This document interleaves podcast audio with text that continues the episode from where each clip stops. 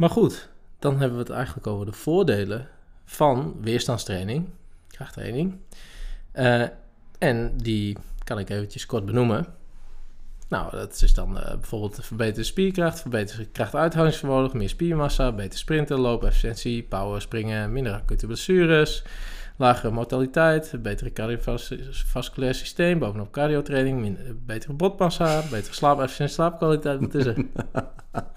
is het niet goed? Dat zijn er een hele hoop, man. Je verloor me ongeveer bij de tweede. Misschien moeten we even... Oh, sorry. Helemaal niet uit. Welkom bij weer een nieuwe aflevering van Rap Podcast. Podcast met een K. Ik ben Robert. En ik ben Paul. En in deze podcast delen wij onze kennis en helpen wij jou vaardig te worden in training, voeding en gezondheid. Ja, zodat je ook zelf een keer gaat nadenken in plaats van dat wij al het werk weer moeten gaan doen. Oké, laten we snel beginnen.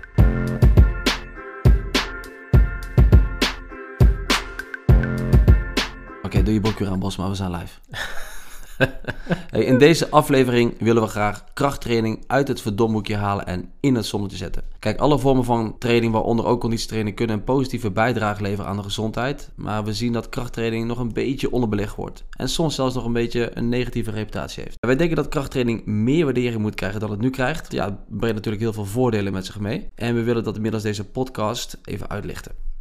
Naast fysieke voordelen heeft het ook mentale en cognitieve voordelen. En die laten we ook even de revue passeren. Ja, wat ik al zei, iedereen, maar zeker ook bepaalde groep mensen hebben baat bij het doen van krachttraining. Uh, zij ervaren wellicht nog barrières uh, om überhaupt een krachttraining te doen. En daar gaan we het ook even kort over hebben. Wat vind jij? Ja, zeker. Maar allereerst, wat is krachttraining? Moet het überhaupt krachttraining noemen? Ja, dat is uh, meteen een goede vraag, want ja, we moeten een soort van werkdefinitie hebben in deze podcast. En um, die zou zo kunnen luiden: uh, krachttraining, wat we ook wel weerstandstraining noemen. Uh, dan moeten je spieren aanspannen tegen een opgelegde weerstand van buitenaf. En deze weerstand die kan voorkomen in de vorm van het eigen lichaamsgewicht, machines, dumbbells of bijvoorbeeld elastieken. Nou, komt eigenlijk meteen naar voren dat ja, krachttraining dus beter weerstandstraining genoemd zou kunnen worden. Tenminste, in de vorm uh, waarin wij het gaan bespreken in deze podcast. Want uh, we onderscheiden bijvoorbeeld Olympisch gewicht hebben, heffen, powerliften, fitness, crossfit, calisthenics, strongman en turnen. Wat eigenlijk allemaal... Strongwoman ook, hè? Strongwoman, uiteraard, sorry. Uh, dit zijn allemaal vormen van weerstandstraining. Maar in de volksmond uh, krachttraining, ja, daar bedoelen we dan dus uiteindelijk weerstandstraining mee. En daar vallen al die vormen onder. Alleen denken we bij krachttraining heel vaak alleen aan het trainen met gewichten. En dat is, ja, die heb ik genoemd, hè, Olympisch gewichtheffen, powerlifting, fitness. Dat is allemaal met gewichten, maar dat betekent niet dat dat de enige vormen zijn van weerstand die je je lichaam ehm, op kan leggen, waardoor bepaalde uh, adaptaties plaatsvinden, die leiden tot gezondheidsvoordelen. Um, dus eigenlijk zouden we beter kunnen praten over weerstandstraining, maar dat is niet echt een term die we veel gebruiken. We gebruiken gewoon de term krachttraining. Wij gebruiken dat in deze podcast door elkaar heen. Maar dan is het in ieder geval wel duidelijk wat we bedoelen met krachttraining. Dus ook weerstandstraining. Um, overigens doen ze dat in het Engels wel. Dan noemen ze het resistance training.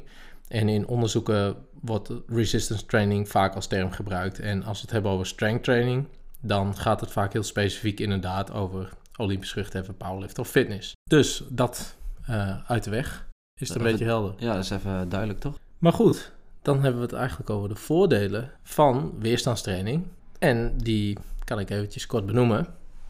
Nou, dat is dan uh, bijvoorbeeld verbeterde spierkracht, verbeterde krachtuithoudingsvermogen, meer spiermassa, beter sprinten, loopefficiëntie, power, springen, minder acute blessures, lagere mortaliteit, betere cardiovasculair systeem, bovenop cardiotraining, betere botmassa, betere slaapefficiëntie, slaapkwaliteit. Wat is er? is het niet goed? Dat zijn er een hele hoop, man. Je verloor me ongeveer bij de tweede. Oh. Misschien moeten we even... Oh, sorry. maar ja, dan moeten we gewoon even opnieuw. Ja, dan doen we het even opnieuw. Ja, nou, zijn, het zijn er een hele hoop. Ja, het zijn er hartstikke veel. Even zonder gollen en grappen. Het zijn superveel voordelen, maar we gaan ze wel even bij langs. Uh, omdat het gewoon indrukwekkend is hoeveel het er zijn ja, ehm, want even heel kort, als je denkt aan fysieke voordelen van krachttraining, het is een beetje een aanname, maar veel mensen denken van, oh ja, je wordt er uh, lekker lomp en groot mee, of je wordt er sterker van. Ja, zeker. Ja, nou ja dat klopt dan ook, want je spierkracht verbetert, eh, maar ook verbetert je krachtuithoudingsvermogen. En je krijgt meer spiermassa. Dat zijn denk ik de meest direct, meest duidelijke uh, voordelen van weerstandstraining. En welke vorm je dat ook doet, denk maar aan, want we noemen het, ik noemde net een heel lijstje. denk bijvoorbeeld ook maar eens aan turners. Zijn altijd sterk, hebben- ze zijn sterk in de oefeningen die ze doen. eh, en hebben vaak veel spiermassa. Met eh, Van Gelten natuurlijk als, eh, als meest extreme voorbeeld, denk ik. Maar ja, en eh, we kennen allemaal het plaatje dat we hebben van bodybuilders en eh, krachtsporters. En eh, die, ja, die tonen vaak veel spiermassa. Dus eh, Ja, maar ik denk dat bij veel mensen daar al ophoudt. Ja, daar houdt het volgens Toch? mij ook wel een beetje op, ja. En, en ehm, dat wordt wellicht soms ook als nadeel gezien. Ik denk dat we daar later nog even op terug kunnen komen, waarom dat soms als nadeel wordt gezien. Ja. Ehm, maar ja, naast die voordelen heb je ook eh, eh, s- eh, betere sprinttijden, betere loopefficiëntie, eh, meer power, sprongkracht. Ja. Ehm, En bij, misschien even kort over loopefficiëntie in de, in, in Engel, of ja, in de vakliter- vakliteratuur wordt ook wel running economy genoemd. En Ja. vaak wordt het uitgedrukt in VO2 max. Oké, Dat is eigenlijk dat je, nou eigenlijk hoe hoger je VO2 max, hoe beter je conditie over het algemeen zou je kunnen zeggen. oké. En we zien dus ook in de literatuur dat krachttraining, het doen van krachttraining samen met het doen van eh, conditietraining, meer, eh, laat ik zo zeggen, dat je conditie sneller vooruit gaat dan met krachttraining dan zonder krachttraining in je programma. Alright, alright. Ja. Dus het voegt nog wat extra's toe. Ja, Ja, dat heel is- veel mensen denken dat ze zo- zogenaamde interferentie hebben met elkaar, maar als je het goed op elkaar afstemt, dan ga je alleen maar juist efficiënter lopen. Ja, ja sneller, en- sneller rennen, letterlijk. Dat sluit ook wel aan bij eh, de cardiovasculaire voordelen. Dus de voordelen van je hart en vaten. Ja. die zijn bij cardio vaak wel bekend. Hè? Bij cardiotraining. Ja, precies, Logisch, ja. het zit al in de naam. Ja, Maar eh, krachttraining voegt daar eigenlijk nog iets aan toe. Ja, dus via andere mechanismes eh, ervaar je dus nog meer voordelen ervan. Dus Ja. komt daar bovenop en dat is denk ik heel interessant. Ehm, maar ook bijvoorbeeld minder blessures. Ehm, blessures zijn, spelen echt een grote rol bij sporters. Ehm, je wilt uiteraard het liefst geen of zo min mogelijk blessures in je sportcarrière. Die kunnen onder andere ontstaan door bijvoorbeeld overbelasting. Maar krachttraining eh, kan dat risico eigenlijk verlagen. ja. Eh, Daarom zie je ook vaak in, eh, als er geen wedstrijden worden gespeeld in een zogenaamde off-season, dat er dan juist veel tijd voor wordt vrijgemaakt voor krachttraining. Zodat ze daar ook in de, ja, de rest van het seizoen daar voordeel bij hebben. Ja. En eh, dan zien ze dus ook op grotere schaal per team ja, minder blessures. ja, ja, dat is super interessant. Ja, Ehm, en ehm, ik denk dat hier nog wel een mooi voorbeeld, kan ik me nog herinneren, is dat je ziet best wel veel ehm, blessures bij de hamstring. Dus eh, bovenkant, eh, bovenbeen, achterkant. Achterkant van je bovenbeen. Ehm, daar zit de hamstringspier, ehm, spieren. En eh, daar vinden vaak blessures plaats bij bijvoorbeeld voetballers. door krachttraining te doen waarbij de hamstring wordt getraind. De hamstrings worden getraind. Verlaag je de kans op die blessures. yes. En eh er zijn er volgens mij nog meer. Ja, ik heb een heel lijstje, zoals jullie zo net al hoorden. Ehm, ook een eh, lagere mortaliteit. En dat is een heel duur woord voor doodgaan. Dus je gaat... Maar best minder best wel dood. extreem, toch? Dat die wat correlatie er is gewoon. Ja, zeker. Ja, maar dat zie je natuurlijk met verschillende eh, vormen van beweging, hoor. Hè. Zelfs, zelfs lopen heeft dat al, maar krachttraining heeft dat dus ook. Ja, Een lagere mortaliteit. Eh ja, eh, sterftecijfer is het eigenlijk. Dus eh, ja, minder mensen die eh, doodgaan op dat moment door krachttraining. Ja. Ehm, ja, dat is, dat is heel waardevol. Dat hoef ik verder niet toe te lichten, denk ik. Ehm, nou ja, botmassa, verbeteringen. Ehm, ook belangrijk, zeker eh, als je kijkt naar ouder worden en verlies van botdichtheid. Ja, dan wil je eigenlijk met de beste wapens de strijd aangaan. En dan is eh, krachttraining de manier, en weerstandstraining de manier om je botmassa te verbeteren. Ja, dus we zien eigenlijk letterlijk bij mensen die aan krachttraining doen, bij oudere mensen ten opzichte van niet-krachttraining, dat ze gewoon eh, minder snel botten breken. Ja, en ook gewoon een betere botdichtheid hebben. Ja. Ja, ja, dus dat is. eh, en dan is het logischer inderdaad dat je. eh, Je kunt altijd je botten breken. Jonge mensen kunnen ook hun botten breken. Maar goed, als je kunt je best voorstellen dat als je botdichtheid daalt, Ja, eh, dat dan een bot ma- makkelijker breekt. ja, ja precies. Ehm, maar ook eh, eh, heel erg interessant, wat je niet misschien meteen verwacht: een betere slaapefficiëntie en slaapkwaliteit. Dus sneller in slaap kunnen komen. ehm, en ook beter slapen, eh, als uitgedrukt als in een betere slaapkwaliteit. Ehm, een lager risico op verschillende soorten kanker. vond ik persoonlijk trouwens Ja. best wel verrassend. Die Ja. had ik niet zo 1, 2, 3 eh, bedacht, totdat ik me daarin ging verdiepen. En lagere bloeddruk is ook een hele interessante, want heel vaak wordt eh, eh, tijdens krachttraining stijgt je bloeddruk. Ja. Ehm, wordt vaak als advies gegeven bij mensen met een hoge bloeddruk, ja, doe maar niet. Maar uiteindelijk, ja, op termijn daalt je bloeddruk. Ja. Dus dat is wel interessant. ja, want het is vaak van korte duur. Zeker als je gewoon weer een cooling down doet, het lichaam weer tot rust laat komen, dan, Ja, dan eh, gaan de bloedvaten gewoon weer, eh, weer open. ja zeker. Dus dan daalt inderdaad je bloeddruk eh, na je training, daalt als, als het goed is je bloeddruk gewoon Ja, weer. ja. Ehm, nou, betere glucoseregulering, de eh, regulering van eh, bloedsuiker, eh, die stijgt. En dat heeft vaak ook te maken simpelweg met meer spiermassa. Er is meer spiermassa en in spiermassa ligt bijvoorbeeld suiker opgeslagen. Ehm, ja, dan kun je het ook beter reguleren. Ehm, dat zijn al best wel wat fysieke voordelen waar misschien niet iedereen aan had gedacht die er zijn, maar die zijn er. Ehm, en wat ik ook nog wel het, eh, de moeite waard vind om te noemen, is dat je, als je bijvoorbeeld kijkt naar personen met obesitas, ehm, dan gaat het heel vaak om gewichtsverlies. Dat is niet altijd, altijd noodzakelijk om voordelen te halen bij deze populatie. En je ziet ook dat zonder gewichtsverlies er nog heel veel effect is van training en dus ook van krachttraining. Nou ja, dat is al een reden om dat in te zetten. Maar ehm, de belangrijkste conclusie die je eh, kunt trekken omtrent krachttraining is dat het je gezondheidsspannen vergroot. En dat is de tijd die jij eh, in een gezonde staat doorbrengt. Ehm, en als je die kan vergroten, breng je dus meer tijd in een gezonde staat door. Eh, ja, wie wil nou niet zijn gezondheidsspannen vergroten? Ik wel. En krachttraining is daar dus een belangrijke factor in. Ja. Ehm, ja, ik vind het heel goed om het ook om te draaien. Zeg maar, wat zijn nou precies de risico's eh, als je niet aan krachttraining doet? ja, check. Misschien wil je daar nog even eh, kort op ingaan. Ja, ja zeker. Want je, eh, stel je doet niet, je besluit ik ga dat niet doen, het maakt mij allemaal niet uit. dan heb je een verhoogde kans op diabetes mellitus type 2, op hart- en vaatziekten, op darmkanker, op depressie en op dementie. Ja.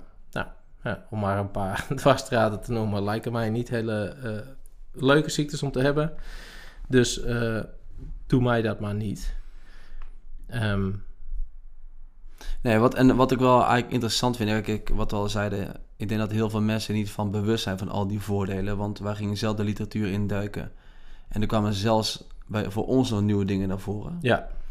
Ehm, ja, Ja. kijk, laten we vooropstellen dat wij sowieso krachttraining natuurlijk leuk vinden. We doen Ja. aan krachttraining, we doen dat intensief. En hè, het, wij kijken met deze bias, kijken we ernaar. Ehm, dus dat moeten we denk ik ook Ja. wel benoemen. Ja, Natuurlijk zeker. vinden wij het tof om te zien dat krachttraining op heel veel vlakken gezondheidsvoordelen met zich meebrengt en je gezondheidsspannen vergroot. Ehm, als dat niet zo was geweest, deed ik het waarschijnlijk nog steeds. Dus eh, dat wil ik wel benadrukt hebben. Ehm, maar we proberen wel gewoon in deze podcast kijken wat zijn nou die voordelen en bij welke populatie ehm, ja, is die noodzaak eigenlijk het grootst. En kunnen we daaraan bijdragen om barrières om krachttraining te doen als die er zijn te verlagen. ja. ja, nu zien we, even heel kort dan wel interessant, dat ongeveer de helft van de mensen, we hebben het nu over training, conditietraining, krachttraining. In principe kan je bepaalde sporten ook al scharen onder conditietraining, maar dat doen we even gemakshalve niet. Dus we zijn, zien dat ongeveer 1 miljoen mensen in Nederland al voetballen. Maar die scharen we niet onder de mensen die zeg maar, aan fitness doen. Dat zou kunnen dat het overlappend is. Maar die vallen niet onder mensen die aan conditietraining doen. Ehm, maar dat betekent dat eigenlijk maar 50, 50% van de mensen die sporten maar op dit moment.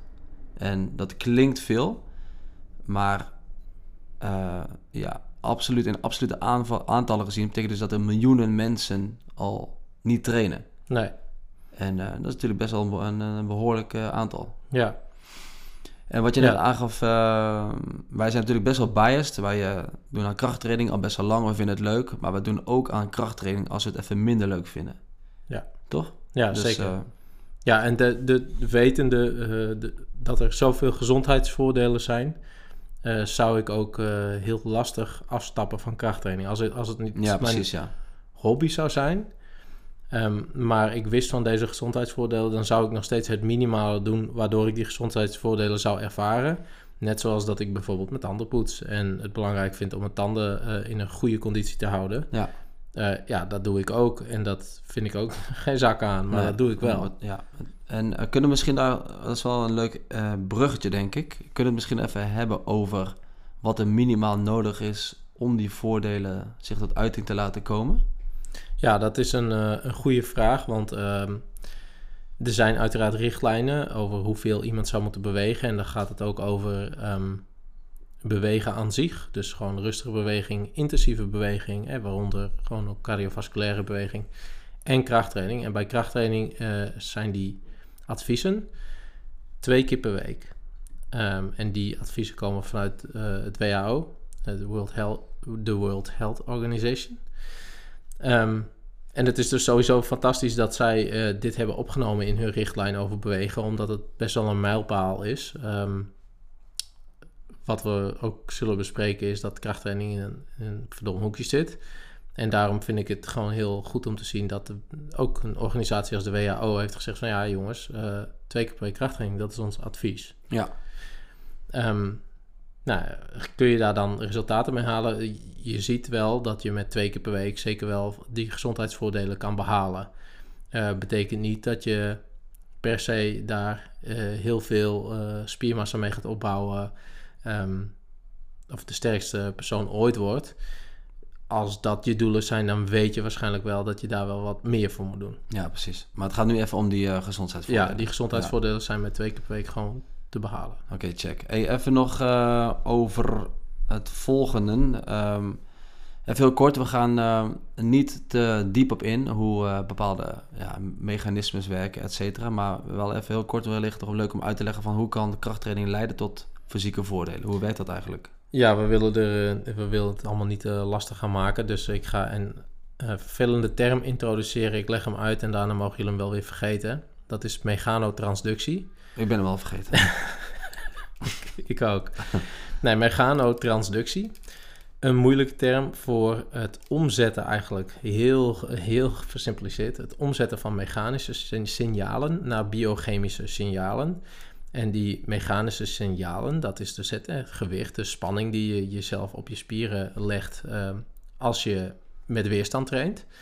En eh, die signalen worden omgezet naar biochemische signalen, wat eigenlijk een cascade van effecten veroorzaakt, waardoor die adaptaties kunnen plaatsvinden in je, eh, ja, in je spieren.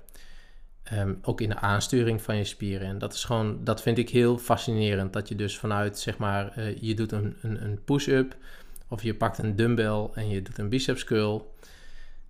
En dat uiteindelijk leidt tot biochemische signalen in je lijf, waardoor bepaalde adaptaties kunnen plaatsvinden, eh, ja, is, is gewoon fantastisch en indrukwekkend. Ehm, maar goed, eh, dat is, dit is heel versimplificeerd eh, verteld, want het is in de werkelijkheid heel lastig en er zitten allerlei stappen op celniveau achter die we niet gaan bespreken, maar weet dat dat wel aan de hand is en dat dat er is en, en besef eens dat, hoe bijzonder dat eigenlijk is, dat wij zo'n fantastisch live hebben die dat kan doen. Dat dat kan, kan Ja. doen. Ja, eens. Ehm, daarnaast, waar, waarom leidt krachttraining nou tot bepaalde voordelen? Daarna, eh, daarnaast heb je ook eh, bepaalde stoffen, hormoonachtige stoffen, die positieve effecten in je lijf ehm, teweeg brengen. En die worden eigenlijk getriggerd door eh, krachttraining. Ehm, daarnaast heb je dat mechanotransductie ook in je botmassa bijvoorbeeld. Ehm, dus vandaar dat botmassa eh, dichtheid kan verbeteren. Ja. Maar goed, lastige woorden daar gelaten. Ehm, er zijn ook nog een aantal eh, cognitieve en mentale voordelen. Ja, we hebben ze even op een hoopje gegooid. Niet omdat ze... We willen dat niet, ze hun allebei niet tekort doen. Maar om het even eh, wat eh, korter te houden, mentale en cognitieve voordelen. Misschien herken je het zelf wel. Als jij... eh, je bent nogal van de krachttraining, ik ook. En onverhoopt lukt het ons wel eens om een weekje of tien dagen niet te trainen. Om wat voor reden dan ook. En dan voel je je wel al snel minder. Ja. Toch? Dus omgekeerd kan je natuurlijk ook zo zien. Dus het doen, het blijven doen van krachttraining zorgt in ieder geval bij mij voor een betere stemming. Ja, en er zijn natuurlijk nog meer voordelen. Ehm, waaronder, het verlaging, waaronder een verlaging van, de, van depressieve symptomen. Nou, die zijn bij mij nog steeds aanwezig helaas. Onder, Eh, verlaging stress. verlaging van stress. Ook aanwezig. Ja. Kun je nagaan. En ehm ja, veel kortere lagere kans op ziektebeelden zoals dementie en Alzheimer. Ja, Ook wel interessant. ja zeker. Waar je ook niet direct aan denkt bij, Nee. bij voordelen van krachttraining. Nee, Toch? nee, zeker niet. Nee, maar ik vind ook wat je zegt, eh, er is eigenlijk geen enkele keer dat ik niet terugkom van een trainingssessie en me daar prettig bij voel. Altijd prettiger dan dat ik erheen ging. Ja, En je gaat wel eens met tegenzin. eh, of het komt die dag niet uit, druk, wat dan ook. Maar dan ga je en dan kom je weg. En dan denk je, ja, nee, dit was het weer waard. Want eh, ik voel me Ja. gewoon een stuk beter. En dat is die... Ja, eh, eh, dus ik kan me heel goed die verlaging van depressieve symptomen en een betere stemming...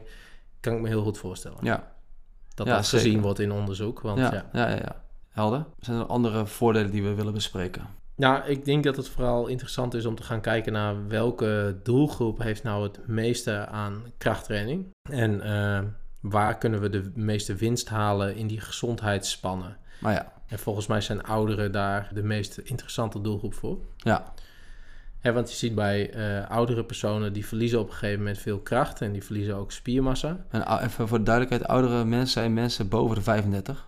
Ja.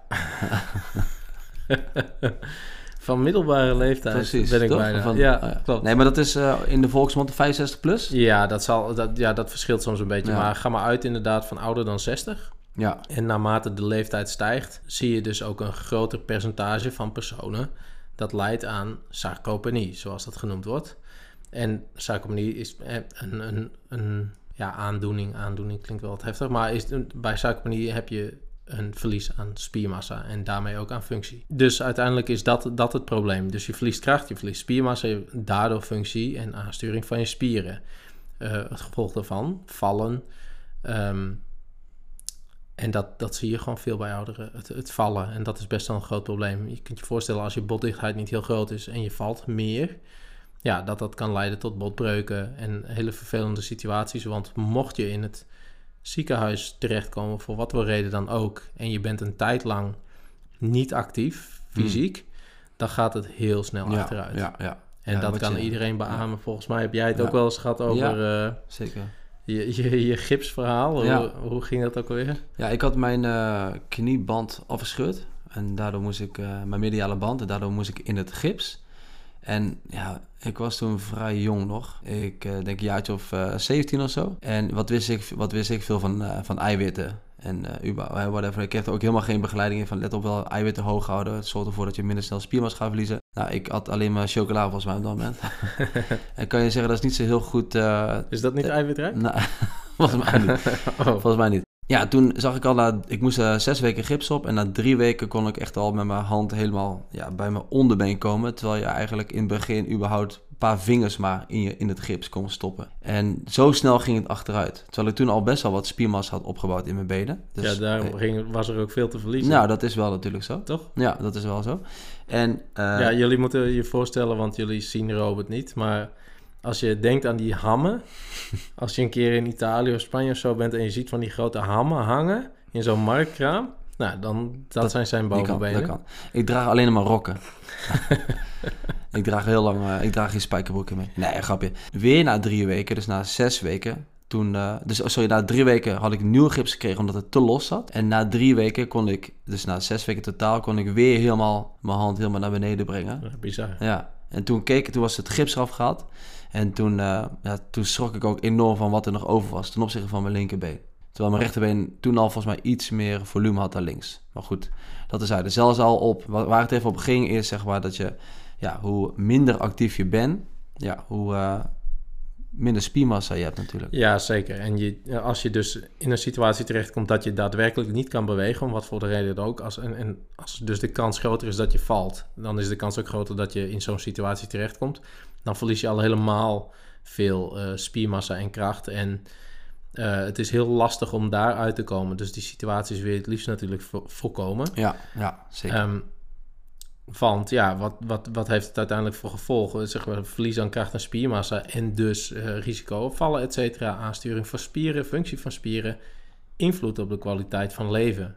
Ja. En dat speelt denk ik wel heel erg op de tot ja, de dan wordt het serieus ineens. Dan wordt het Ja, serieus, ja, want ja. als de kwaliteit van leven, dat, dat staat bij mij heel hoog, zeg maar, op mijn lijstje van wat, wat vind ik belangrijk. Ja, Ja, een goede kwaliteit van leven. Niemand wil dat inleveren. nee. Maar daarnaast voor ons allemaal is sarcopenie, hè, dus dat verlies van kracht en spiermassa.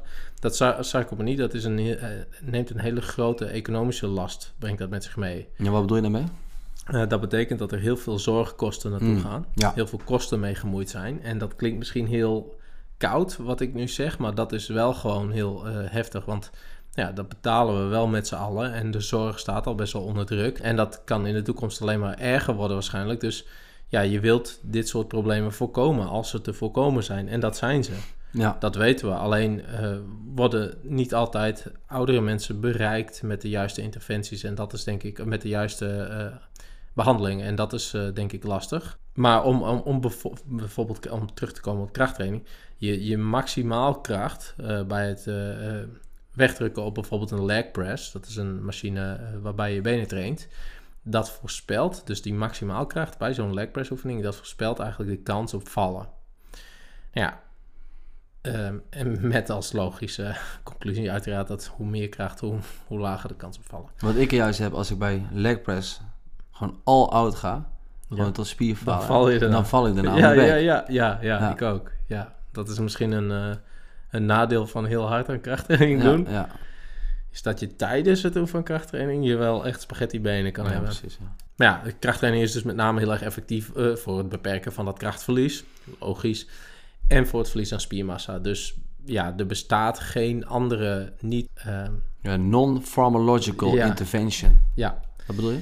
Ja, dat bedoel ik eigenlijk. Oké, maar hoe komt het nou dat niet alle oudere mensen aan krachttraining doen? Of niet alle mensen überhaupt, maar hoe komt het nou dat ook oudere mensen niet aan krachttraining doen en dat het lijkt alsof krachttraining een beetje in een negatief hoekje zit? Ja, Terwijl we wel weten dat er gewoon best wel veel mensen ingeschreven staan bij een sportschool. Ja. In absolute aantallen.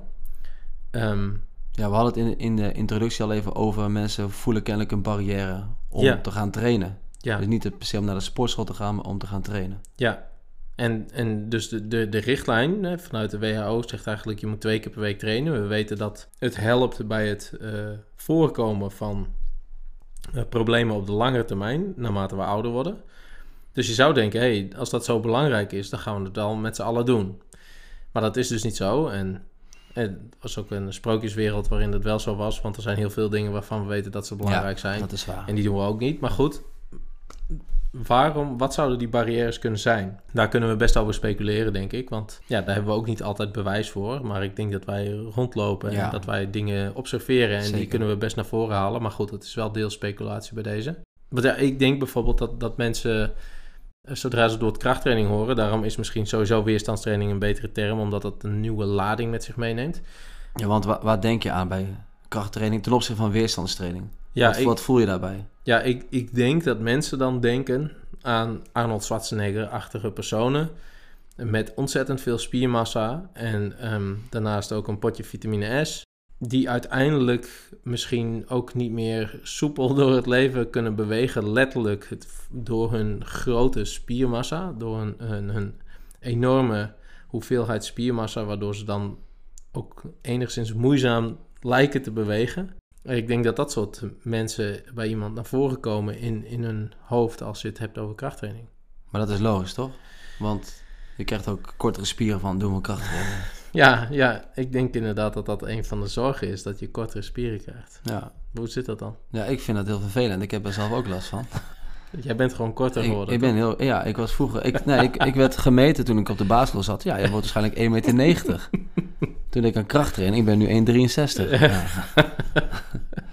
nee, dat is wel een zorg. Dat er voor ouders ook. Als er, en en als er kinderen, tieners aan krachttraining doen, oeh, ja, maar dan stop ik de, de lengtegroei. Dat Ja. was ooit een, Klopt, ja. een zorg die onterecht is. Dat is niet zo. Dus bij deze ouders. ja. Je mag wel uit, je als kind zijn, dan mag je wel uit een boom springen van 5 meter hoog. maar je mag niet, je kind mag niet aan krachttraining doen. Nee, Nou, dat is een beetje vreemd natuurlijk. ja, ja Nee, die maar daar- zijn ook onterecht. Maar Daar ja, hoeven ouders inderdaad zich niet druk om te maken. Maar goed, eh, krachttraining, korte spieren, dat is gewoon echt, dat, dat is best wel een hard nek. Ik hoor het nog heel vaak. Ja, ik, ik, ik Ja. heb voor korte spieren gekregen door krachttraining. Ik ben niet meer zo lenig, dat komt door krachttraining. Ja, Ik moet meer aan yoga doen. Daar Ja. krijg ik langere spieren van. En krachttraining krijg ik kortere spieren van. Als een soort van yin en yang of zo. Die je tegen elkaar moet zetten, zodat ze weer in evenwicht zijn. Dus ik verkort mijn spieren. Wat natuurlijk klopt, want je maakt eh, met, je, met je contracties met je spieren, die trekken samen en dan verkorten ze en daarna verlengen ze weer en verkorten ze weer. Dus deels klopt dat wel. Tijdens de beweging verkorten ze en da- da- in diezelfde beweging verlengen ze ook weer. Dus het gaat natuurlijk om de adaptaties op de langere termijn. En het, de ironie is dat dus het doen van krachttraining kan leiden tot het ehm, tot langere spieren. Ook letterlijk fysiologisch langere spieren. Spieren bestaan uit eiwitten en er worden dan ei- eiwitfragmenten achter elkaar aangeplaatst. Waardoor je spier dus letterlijk langer wordt. En dat is ook de enige manier waarop dat kan plaatsvinden. En op geen enkele andere wijze. Dus wat gedacht wordt is, hey, met yoga maak ik mijn spieren langer. Dat zijn neurologische aanpassingen.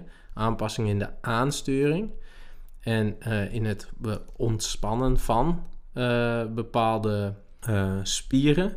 Waardoor het lijkt alsof je eh, spieren langer worden. In, in feite is de lenigheid, die flexibiliteit, dat is, heeft, is neurologisch van aard.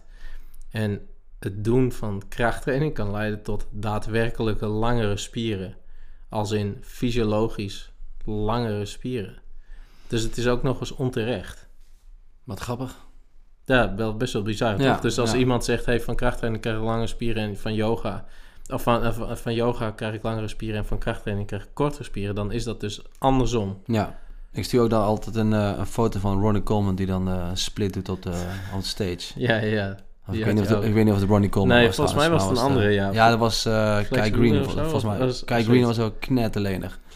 Nou, er zijn weinig mensen gespierder dan Kai Green. Ja, ja dus het Dus- hoeft er zeker elkaar lenigheid en, en spiermassa. Ik denk dat mensen, zeg maar, wat mensen zien is bijvoorbeeld... als je een enorm grote bovenarm spiermassa hebt... dan kun je inderdaad je, je arm niet meer heel makkelijk buigen... omdat simpelweg die spiermassa daar in de weg zit. Wat een gevolg is van enorme groei van spiermassa. Maar dat ga je niet meemaken als je niet een extreme aanleg hebt voor het aanmaken van spiermassa en daarnaast vitamine S neemt. En met vitamine S bedoelen we vitamine S. Precies. Ja, In de, in de ass. ja, Ja, oké. ja. Hey, laten, oh, sorry, wil je nog iets zeggen? Nee, maar dat, dus, ja. Ja. dat, is, dat is dus... Verwacht niet van eh, jouw eigen lijf dat dat die adaptaties eh, no time gaat maken. Ik train al heel lang en ik, mensen weten nog steeds niet wat voor sport ik doe. Als ik ergens kom, dan zeggen mensen... Hey, wat, wat voor sport doe je dan? Dan moet ik altijd uitleggen krachttraining. En, of ik moet... Waarschijnlijk als ik mijn shirt uittrek... dat het dan nog steeds moet overtuigen wat ik doe. Nu doe je jezelf echt tekort. Nee, maar we moeten heel even teruggaan nog naar eh, eigenlijk hoe jij bij dit verhaal kwam, denk ik.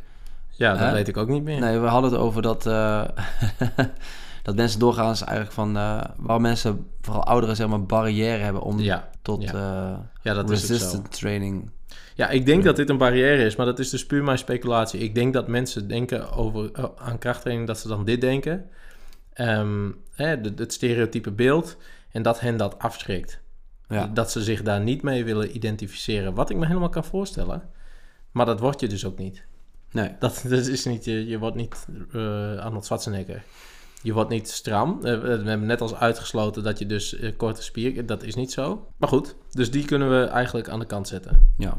Nou, Wat hebben we nog meer? Ja, we hebben denk, wij, wij zien ook dus dat mensen denken dat eh, krachttraining, en natuurlijk een heel breed woord, maar dat het eh, te complex is voor ze. En dat weerhoudt ze waarschijnlijk van om eh, ja, of naar de sportschool te gaan of überhaupt zelf aan de slag te gaan. Is dat ook zo? Is, is krachttraining moeilijk? Wat vind jij? Ja, nou, we hebben net opgezond wat allemaal onder krachttraining wordt verstaan. Ja, En daarin zit natuurlijk een hele grote nuance. Want ik bedoel, ehm, eh, als ik gewoon... Een, met, bijna met alles kan je het waarschijnlijk verkeerd doen. Maar als ik gewoon een eh, zittende biceps curl doe op een machine... waarbij de uitvoering eigenlijk al bepaald is voor me... ik hoef alleen maar kracht te leveren... dan is dat niet heel erg complex. nee. Alleen, eh, ja, een human flag is best wel moeilijk. Ja, Dus dat je als een... Wat is dat ook alweer? ja, dat je als een vlag wappert aan een, eh, aan een, aan een stok. Ja, zeg maar dat is echt horizontaal. bizar. Je hebt een verticale paal en je met je gestrekte armen, die ongeveer een meter uit elkaar een paal vasthouden, ja, zorg je ervoor dat heel je lichaam horizontaal is. Zeg maar van eh, hoofd tot eh, teen. Maar de meeste ouderen, ja, we vragen niet aan de meeste ouderen of ze dat even voor willen doen.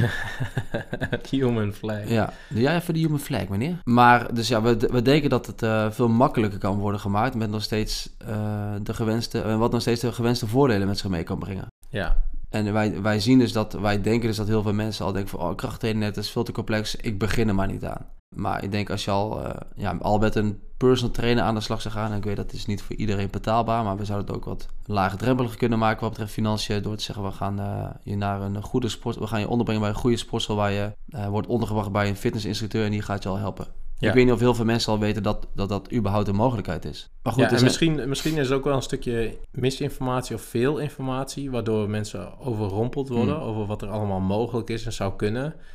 Eh, als, ik, kan, ik voel me vaak zelf bijvoorbeeld ook wel overweldigd als er heel veel mogelijkheden zijn en ik heel veel keuzevrijheid heb. Dan denk ik, wow, ja, wat moet ik nou doen?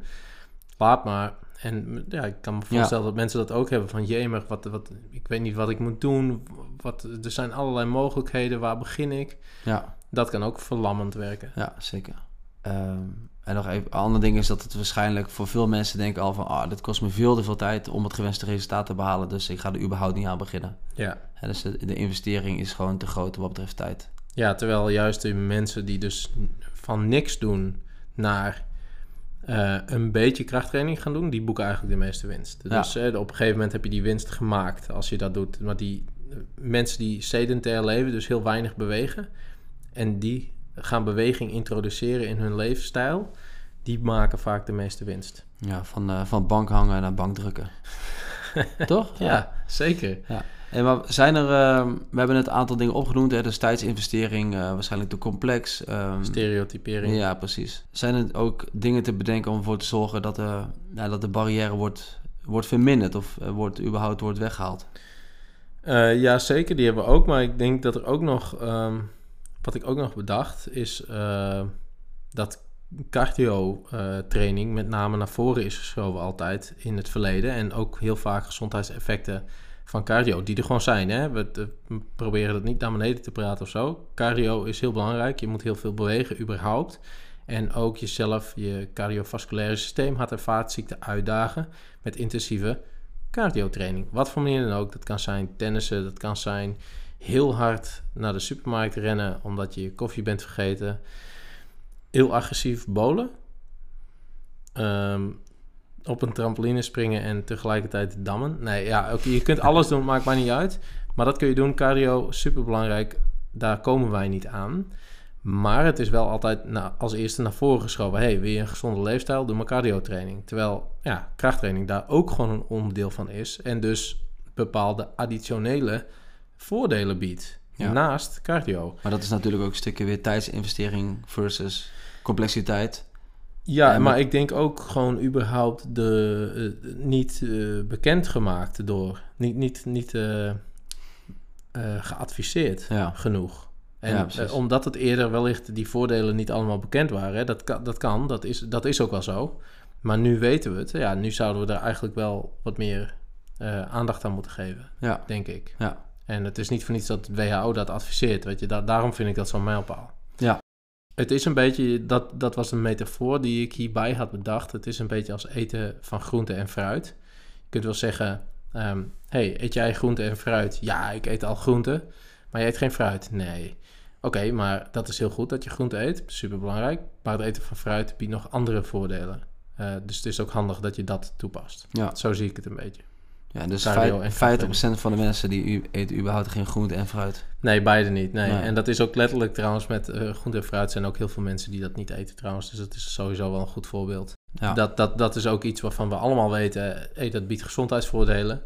Doen we ook niet allemaal. Nee, dus eh, nee, het is is een waar. utopie waarschijnlijk dat iedereen dat gaat doen. Maar goed, eh, wij, wij leveren bij deze onze bijdragen. ja. Bijdragen om in ieder geval ehm, de aandacht te vestigen op al deze voordelen. Nou ja, als je kijkt eh, naar de afgelopen 20 jaar, zie je dus wel dat de ouderen meer sporten dan op dit moment meer ouderen sporten dan 20 jaar geleden. Dus eh, als we die trend gewoon voort kunnen zetten met zoveel mogelijk goede, goede informatie verspreiden, dan, eh, dan komen we nog een keer ergens. Ja, Hey Paul, hoe kunnen wij er als professionals, niet alleen wij twee, maar misschien op, eh, op groter niveau, op grotere schaal, hoe kunnen wij ervoor zorgen dat wij barrières weg gaan nemen bij mensen die nu ja, voelen dat er een barrière is om überhaupt een krachttraining te gaan doen?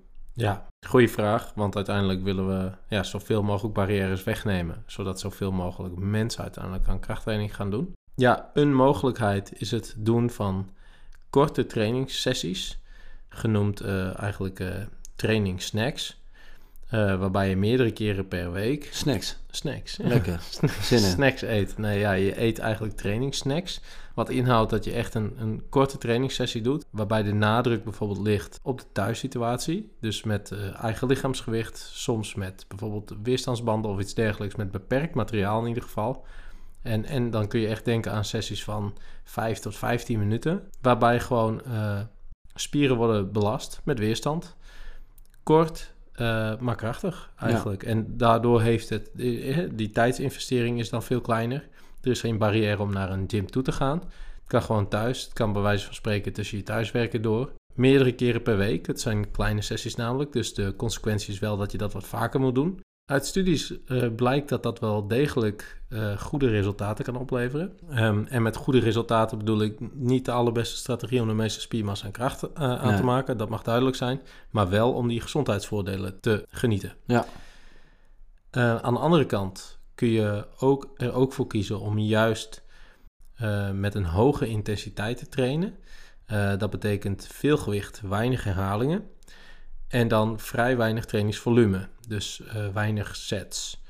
Eh, waardoor ook de trainingsduur weer kort is. En dat hoeft ook niet zo frequent per week. Dus dan kun je met weinig frequentie per week en met relatief korte sessies kun je een krachtimpuls geven. En het belangrijke daarbij is dat het dan gaat om het stimuleren van kracht.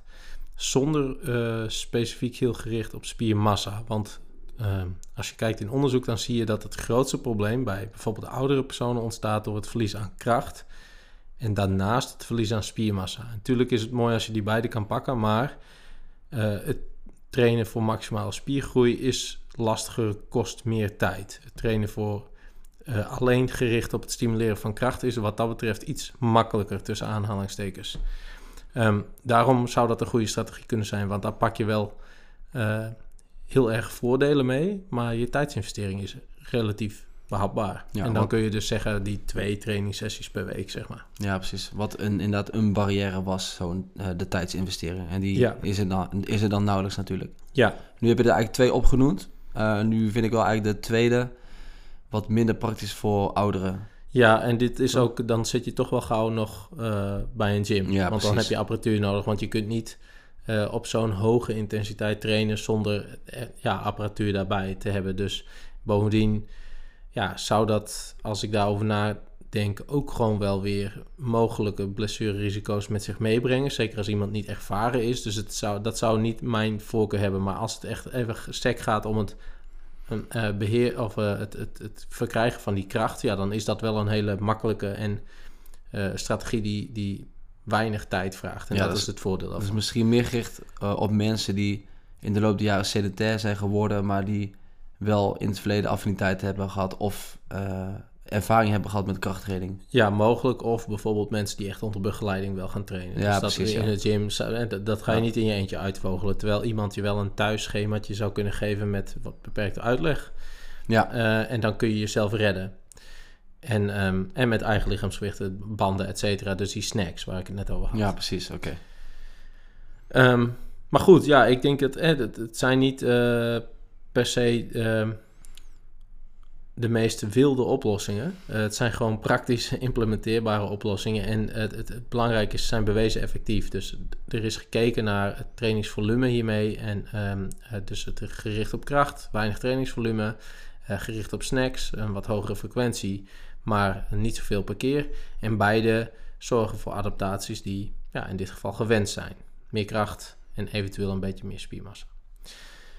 Dus daarmee lossen we in ieder geval dat probleem op. Ehm, Ja, maar ja, goed, om, om terug te komen op die vraag, zeg maar, die we, of de vraag eigenlijk op de, op de naam van de aflevering, waarom iedereen krachttraining zou moeten doen. Ja, dat is omdat we uiteindelijk een zo'n uh, grote uh, spannen willen hebben waarin we in gezondheid kunnen leven. En die gezondheidsspannen die, ja, die kunnen we vergroten door krachttraining te doen. Daarmee zorgen we er ook voor dat we preventief werken aan het verlies van kracht- en spiermassa op latere leeftijd. En daar kun je denk ik niet vroeg genoeg mee beginnen uiteindelijk. Ook al doet zich dat pas later voor. En dat betekent niet dat je ermee moet beginnen als het al aan de hand is. Daar besparen we ook gewoon zorgkosten mee. Dat is denk ik wel ook dat gewoon... Dat was een fijn voor ons gewoon. Want die... ja, ja. Ja, toch? Ja, nee, nee maar ja, uit, fijn voor de generaties na ons. Want wij zijn bijna van middelbare leeftijd. dus jullie moeten voor ons zorgen straks. Dat klopt. Dus jullie mogen heel blij zijn dat Robert en Paul aan training doen. Eigenlijk moeten mensen ons echt erkentelijk zijn. Ja. Want ja, kijk die beenhammer van Stols. Nou, dat duurt even voordat Suiker niet daar vat op heeft hoor. Hey, ik heb mezelf een doel gesteld. Hè. Op dit moment doen 20% van de mensen doen aan fitness in Nederland. Oh ja? Ja. Uh, Vind ik ja na veel. deze podcast hoop ik wel dat het op 40 zit. ja. Wat denk jij? Of is dat iets, moeten we hoger Is, is ambitieus. Ja, moeten hoger inzetten. Ik zou altijd hoger inzetten. ja. ja. Ja, zeker. Tuurlijk, in Nederland doen we al veel aan fitness en we zijn heel veel met beweging bezig. We zijn echt wel een sportland en um, het is ook niet zo dat, uh, dat we daar uh, kritiek op hebben. Absoluut niet. Super sportief. Alleen heeft cardio training denk ik onder vergrootglas gelegen en, en, en krachttraining niet. terwijl het wel unieke voordelen biedt. En die voordelen hebben we in deze podcast besproken. En ik denk dat die gewoon belangrijk zijn om te snappen dat die voordelen bestaan. En om daar ook echt mee aan de slag te gaan. Omdat op latere leeftijd we voor de situatie kunnen komen dat het negatieve consequenties heeft als je het niet doet. En dat is denk ik het belangrijkste punt. Of mis ik dan iets? Nee, ik denk niet, Paul. Ik denk dat het een mooi moment is om de podcast af te sluiten. Ik ga in ieder geval even weer trainen. Twee keer deze week. Om alle gezondheidsvoordelen voor mijn lichaam te pakken. Wat denk jij? Ik, uh, ik ook. Twee keer en dat keer twee. En nog één keer. Oké. Nou, ik uh, ga aan de bak. Tot ziens. Ja, tot de volgende.